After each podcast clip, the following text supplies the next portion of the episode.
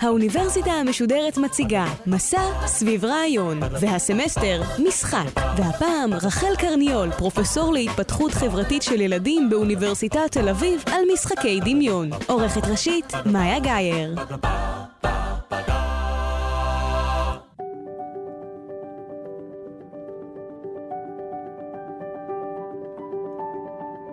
רחל קרניול ואני פרופסור לפסיכולוגיה עם התמחות בהתפתחות חברתית של ילדים בבית הספר למדעי הפסיכולוגיה באוניברסיטת תל אביב.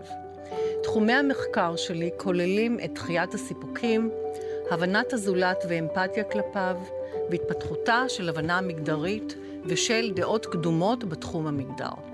כמו כן, חקרתי ופיתחתי תיאוריות בתחום ההתפתחות של השפה המדוברת, הדו-לשוניות והגות. היום אני אדבר איתכם על משחק בכאילו בילדים. כלומר, איך ילדים משחקים ומעמידים פנים שמקל סתמי הוא המטאטא של המכשפה, או סוס רכיבה שעליו ניתן להגיע למחוזות רחוקים. באנגלית מדובר על pretend play. התחלתי להתעניין במשחק בכאילו כאשר כתבתי ספר על ההתפתחות החברתית של ילדים, והבנתי איזה חלק מרכזי תופס המשחק בכאילו בחיי הילד, החל מגיל שנתיים בערך.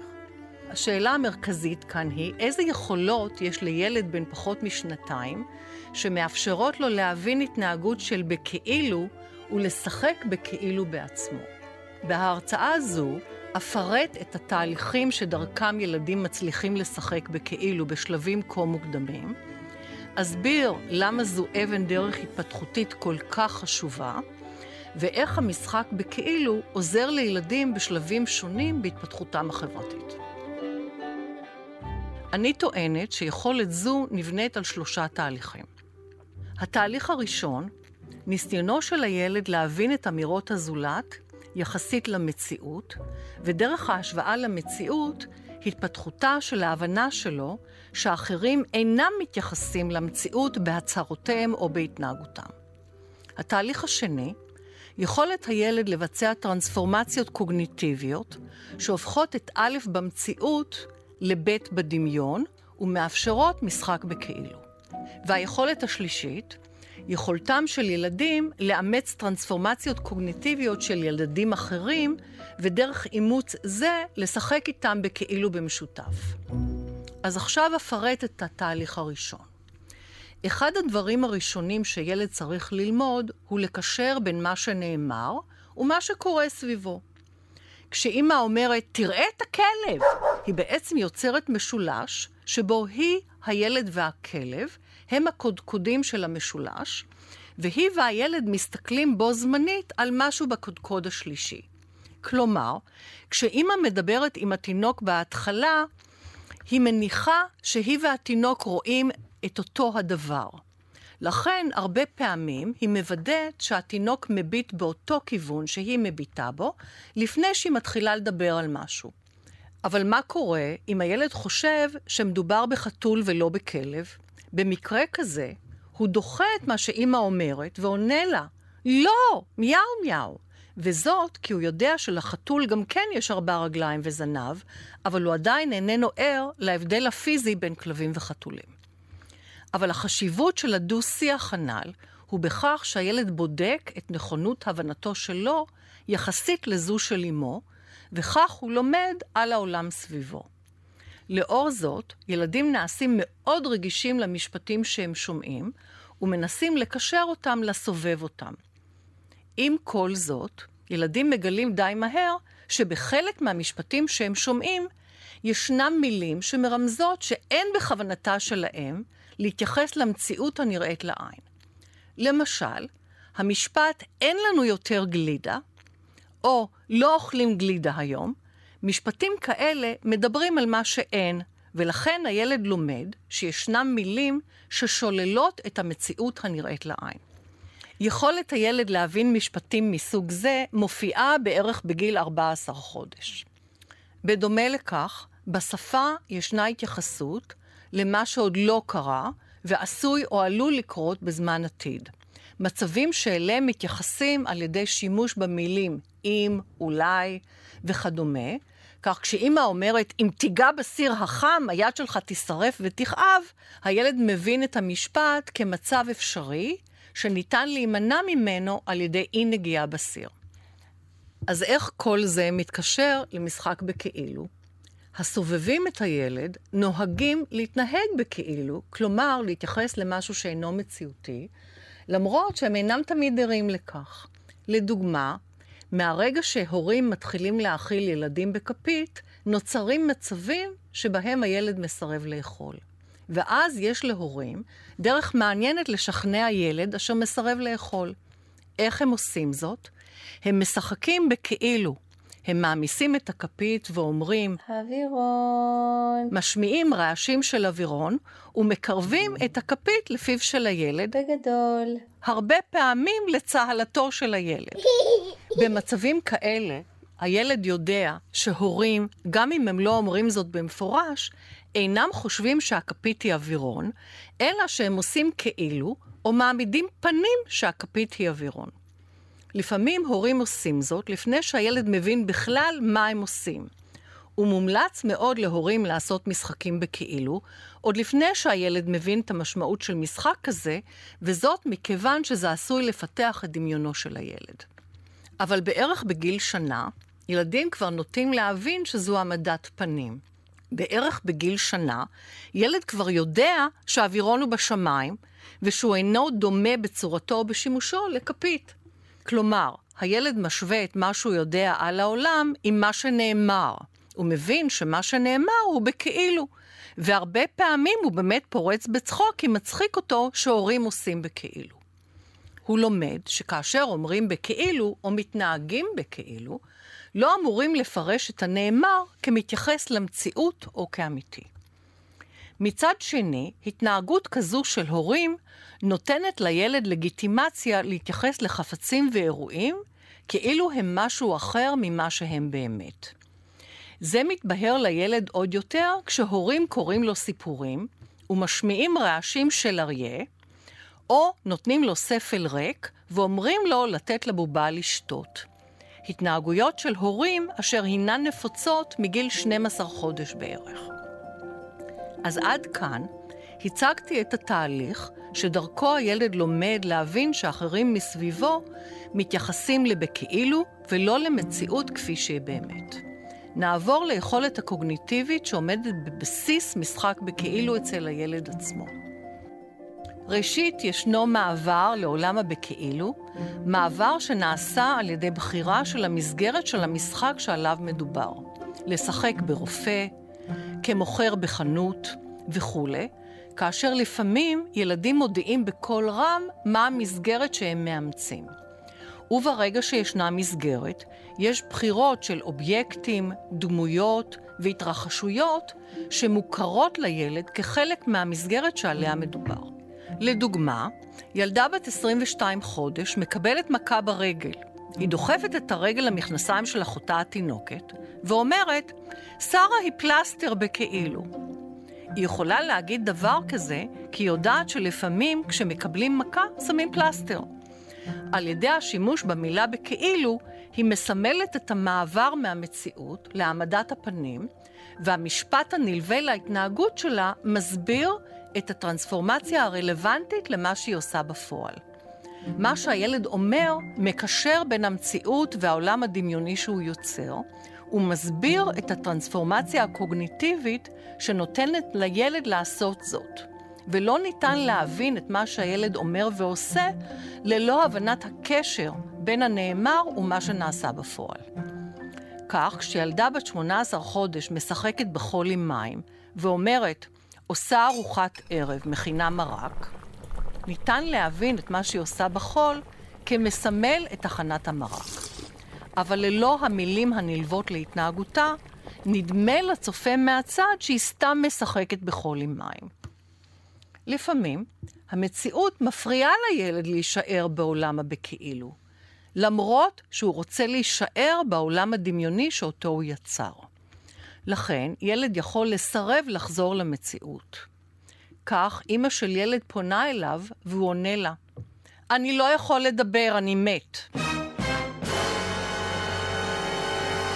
הילד יודע שמתים לא יכולים לדבר, אבל הוא צריך להסביר זאת במילים, כי אחרת אמא לא תדע שהוא לא מדבר איתה בגלל מצבו בכאילו.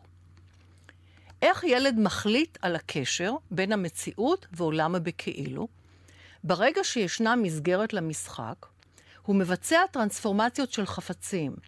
למשל, הבננה שהופכת לטלפון, כאשר טרנספורמציות אלה יכולות להתקבע על ידי דמיון של חפצים בצורתם למה שהם אמורים לסמל. אפשרות נוספת היא שהילד עוסק בחיפוש אקטיבי אחר חפץ מתאים. כגון מצב שבו ילד לוקח קופסת קרטון, הופך אותה, ואומר, זה בית החולים עכשיו. קופסת הקרטון יכולה לסמל בניין, וכך לשרת אותו כבית חולים במשחק שלו. בגיל קצת יותר מבוגר, שלוש או ארבע, ילדים יכולים ליצור גם יש מאין, להודיע על קיומו של חפץ, דמות או מצב שברור שאיננו קיים במציאות. כך, ילדה משחקת עם בובה, מושיבה אותה על סיר משחק, מעוותת את פניה ואומרת, היא עשתה. כאשר עיוות הפנים משקף את הגועל שהיא חשה. דוגמה זו ממחישה את היכולת לסמל בדרכים שונות, ולא רק על ידי דיבור, את הבכאילו. עם זאת, עיוות הפנים של הילדה נעשה ברור לצופה מהצד רק לאור מה שהילדה אומרת. דרך המשחק בכאילו, ילדים גם לומדים להתייחס למה שקורה במוחם של אחרים. כלומר, הם מפתחים את תיאוריית ה mind של הזולת. כך, ילדים בגיל 3-4 יכולים לדבר על המתרחש רגשית ומחשבתית במוחם של בובות, גיבורי על מהמדיה ואנשים דמיוניים. לכן, ילד בגיל הזה יכול לדבר על מה סופרמן או בובת ברבי חושבים או מרגישים. הילד מייחס לדמויות האלה מחשבות ורגשות. אבל הוא יכול להתייחס להן גם טעויות במחשבה. לדוגמה, סופרמן חושב שהוא יותר חזק ממני, אבל זה לא נכון.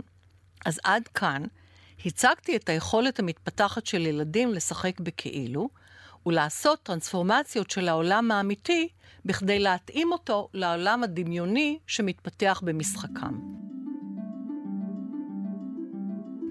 מעבר לחשיבותה של היכולת לשחק בכאילו, בפיתוח מחשבתו ודמיונו של הילד, החשיבות של היכולות שעליהן דיברתי עד כאן היא בכך שבעקבות ההתפתחויות שתיארתי, ילדים מסוגלים בהמשך לאמץ את הטרנספורמציות שחברים מציעים להם, וגם להציע טרנספורמציות שהם רוצים שאחרים יאמצו.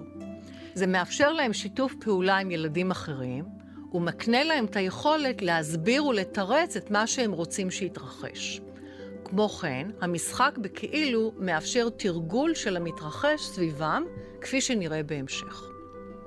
בגיל גן, טרום חובה וחובה, מתפתח משחק משותף בכאילו בין שני ילדים או יותר.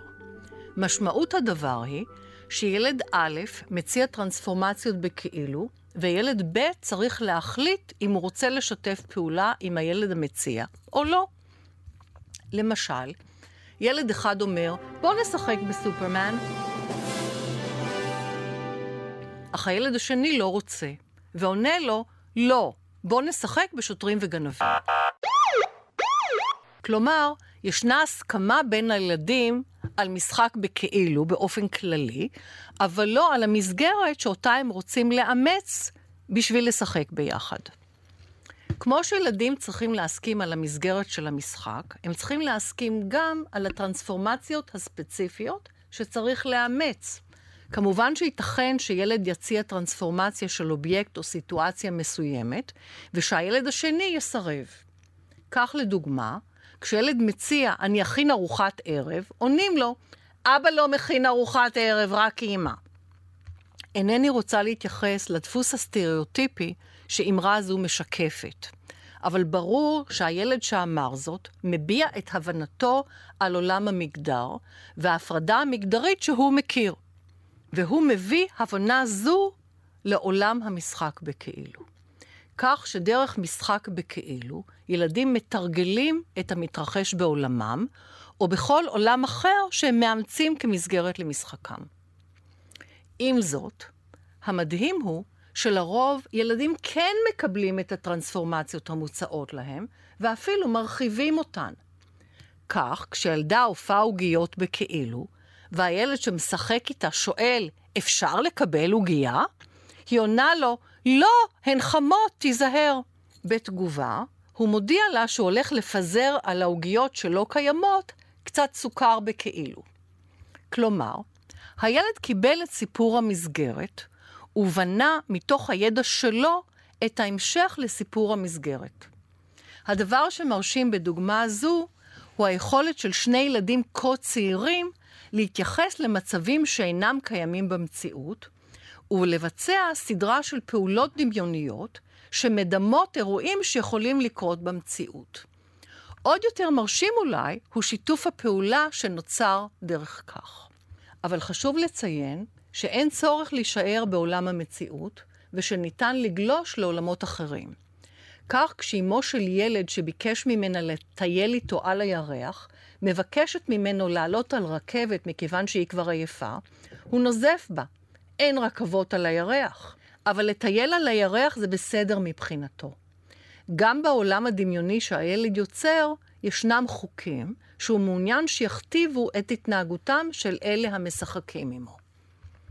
לאור זאת, ילדים יכולים לומר לאחרים לעשות דברים בכאילו, ולא באמת. למשל, ילד שאומר לחברו, אל תלך באמת, תעשה כאילו שאתה הולך. אמרה כזאת מדגישה את המעבר בין עולם הבכאילו והעולם האמיתי, מעבר שאיננו תמיד ברור למשתתפים במשחק בכאילו. כמובן שמאוד חשוב לדעת מתי לצאת ממשחק בכאילו. כך, ילדה נוזפת בחברתה ואומרת, את לא יכולה להישאר חתולי כל חייך, את צריכה להפוך לילדה.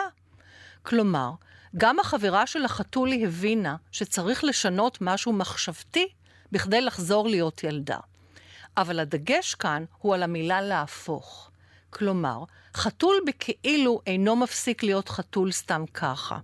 הוא צריך לבצע טרנספורמציה קוגניטיבית כלשהי בכדי לחזור למצבו הקודם. עד כאן תיארתי את התהליכים שמאפיינים את המשחק בכאילו עם חברים. חשוב לציין שלמשחק בכאילו ישנם עוד שימושים, כגון ניצול משחק בכאילו למטרות שמטיבות עם הילד המציע בעצמו, או מטרות שמיטיבות עם הילד שלא מציעים את המשחק בכאילו. ראשית, אתמקד במצבים שבהם הילד מציע לשחק בכאילו בכדי לקדם את מטרותיו שלו. ילדה בת תשע התבקשה להוריד את הכביסה המלוכלכת למרתף הבית, אך לא התחשק לה לעשות זאת.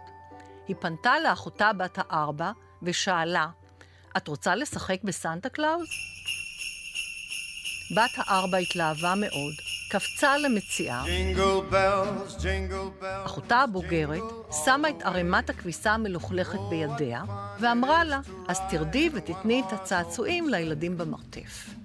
כלומר, היא ניצלה את יכולתה של אחותה הצעירה לשחק בכאילו, בכדי לגרום לה לבצע מטלה שהיא בעצמה לא רצתה לבצע.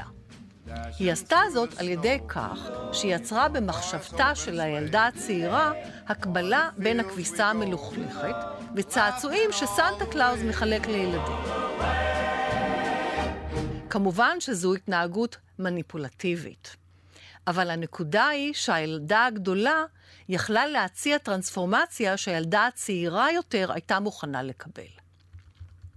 לפעמים גם ילדים צעירים מסוגלים להציע טרנספורמציות או לאמץ טרנספורמציות של אחרים ולנצל אותם לצרכים שלהם. כך, כשהגננת קראה לילדים לבוא ולשבת במעגל, אחד הילדים ענה שאינו יכול לבוא כי הוא נעול. אחת הילדות, בת ארבע וחצי, לקחה את היד שלה, סובבה אותה כאילו שהיא מסובבת מפתח, ואמרה, עכשיו אתה כבר לא נעול, אתה יכול להצטרף. וכמובן שהוא הצטרף. על ידי אימוץ הטרנספורמציה של הילד עצמו, והרחבה של הטרנספורמציה שלו, מעולם הידע שלה כמובן, הילדה בת הארבע וחצי הצליחה לפתור את הבעיה. בצורה מקבילה, ניתן לנצל את המשחק בכאילו לטובת הילד שלא מציעים את הטרנספורמציה. לדוגמה, ילדה בת שבע מספרת שכשהיא ואחיה צריכים ללכת ברגל לאנשהו, והוא מתלונן, היא מציעה לו להעמיד פנים שהוא כלבלב שהולך לטייל. ואז אחיה מוכן בשמחה להמשיך ולטייל.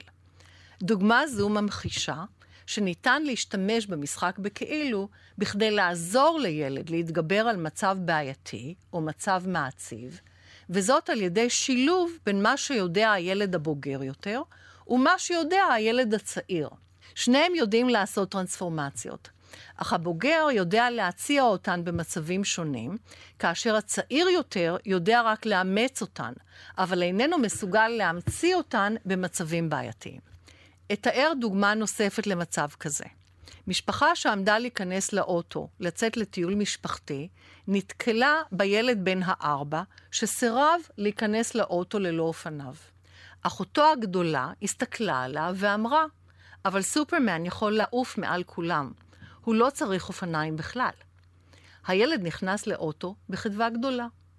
צריך להבין שהילד במקרה זה איננו חושב שהוא סופרמן באמת, אבל המשחק בכאילו עוזר לו להתמודד עם המצב הבעייתי בצורה טובה יותר. אחותו בעצם נתנה לו סולם לרדת מהעץ.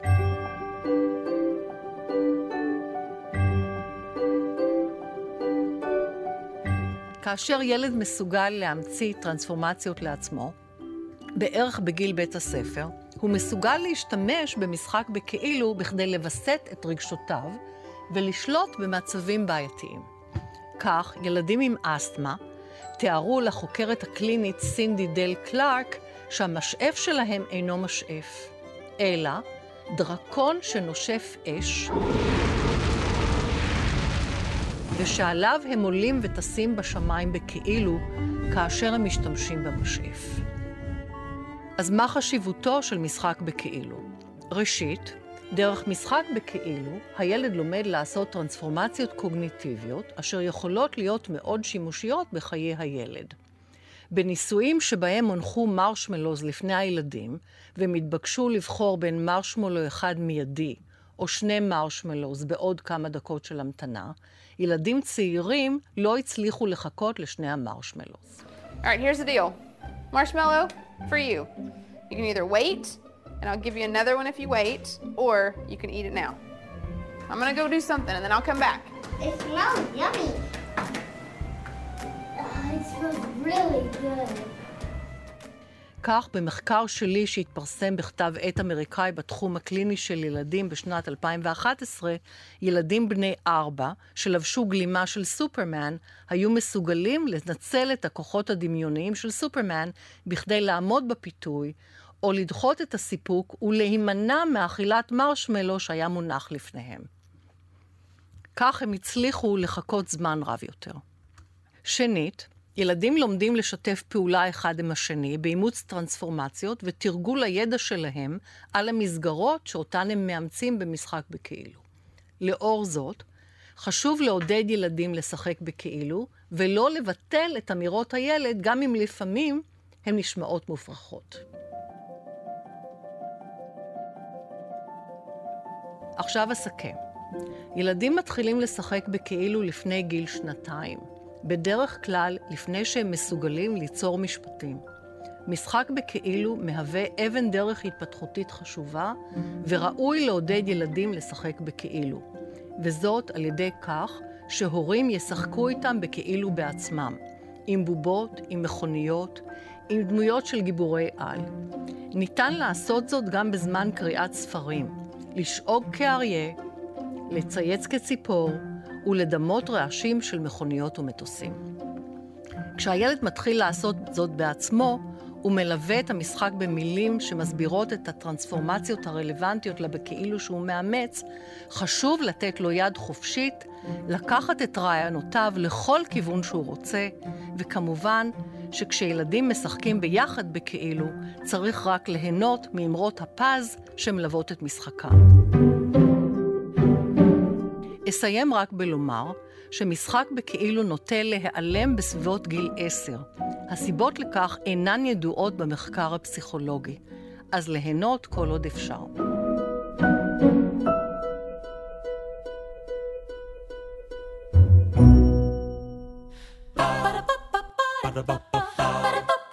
Ba-da-ba-ba-ba.